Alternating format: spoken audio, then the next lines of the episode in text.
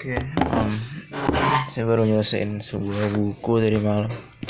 Sebuah novel dari Eka Kurniawan. Judulnya seperti dendam rindu harus dibayar tuntas. Ini novel dia keberapa yang saya baca? Um, keempat. Pertama cantik itu luka, terus laki harimau, terus oh, terus ini entah kenapa terasa ada resemblance sama ya kayak ada fragmen-fragmen gitu. Ceritanya dibangun dari fragmen-fragmen kayak beberapa paragraf yang membuatnya jadi sangat apa ya kayak film gitu.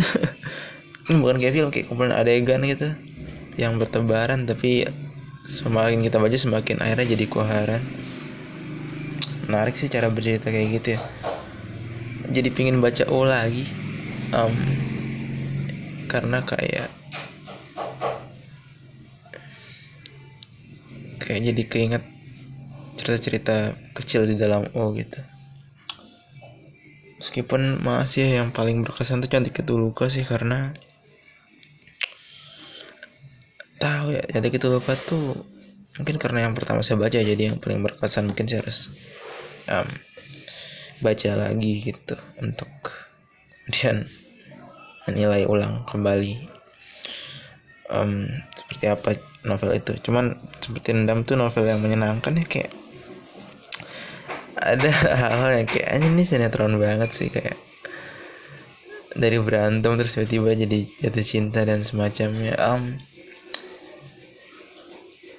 cuman itu ditulis dengan menyenangkan ya. Jadi kadang-kadang saya mikir kayaknya apa yang membuat cerita tuh baik bagus tuh apa ya? kayak saya nggak akan bisa nonton sinetron kayak that's it's gonna be boring gitu kayak klise tapi saya bisa baca seperti dendam dan cerita-ceritanya yang kayak itu tapi ya mungkin karena sinetron dibangun dari hanya dua orang saling jatuh cinta gitu and that's it.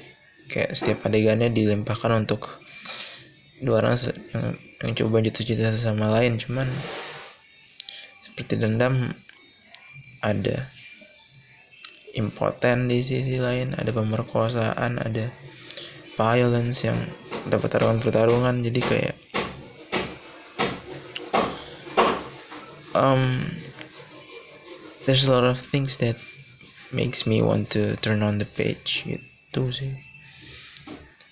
Um ya cuman saya masih masih ini sih. Bacanya jadi bikin saya berpikir ulang sih kayak cerita yang bagus sih seperti apa ya? Cerita yang mengasihkan itu formulanya apa ya? Kayak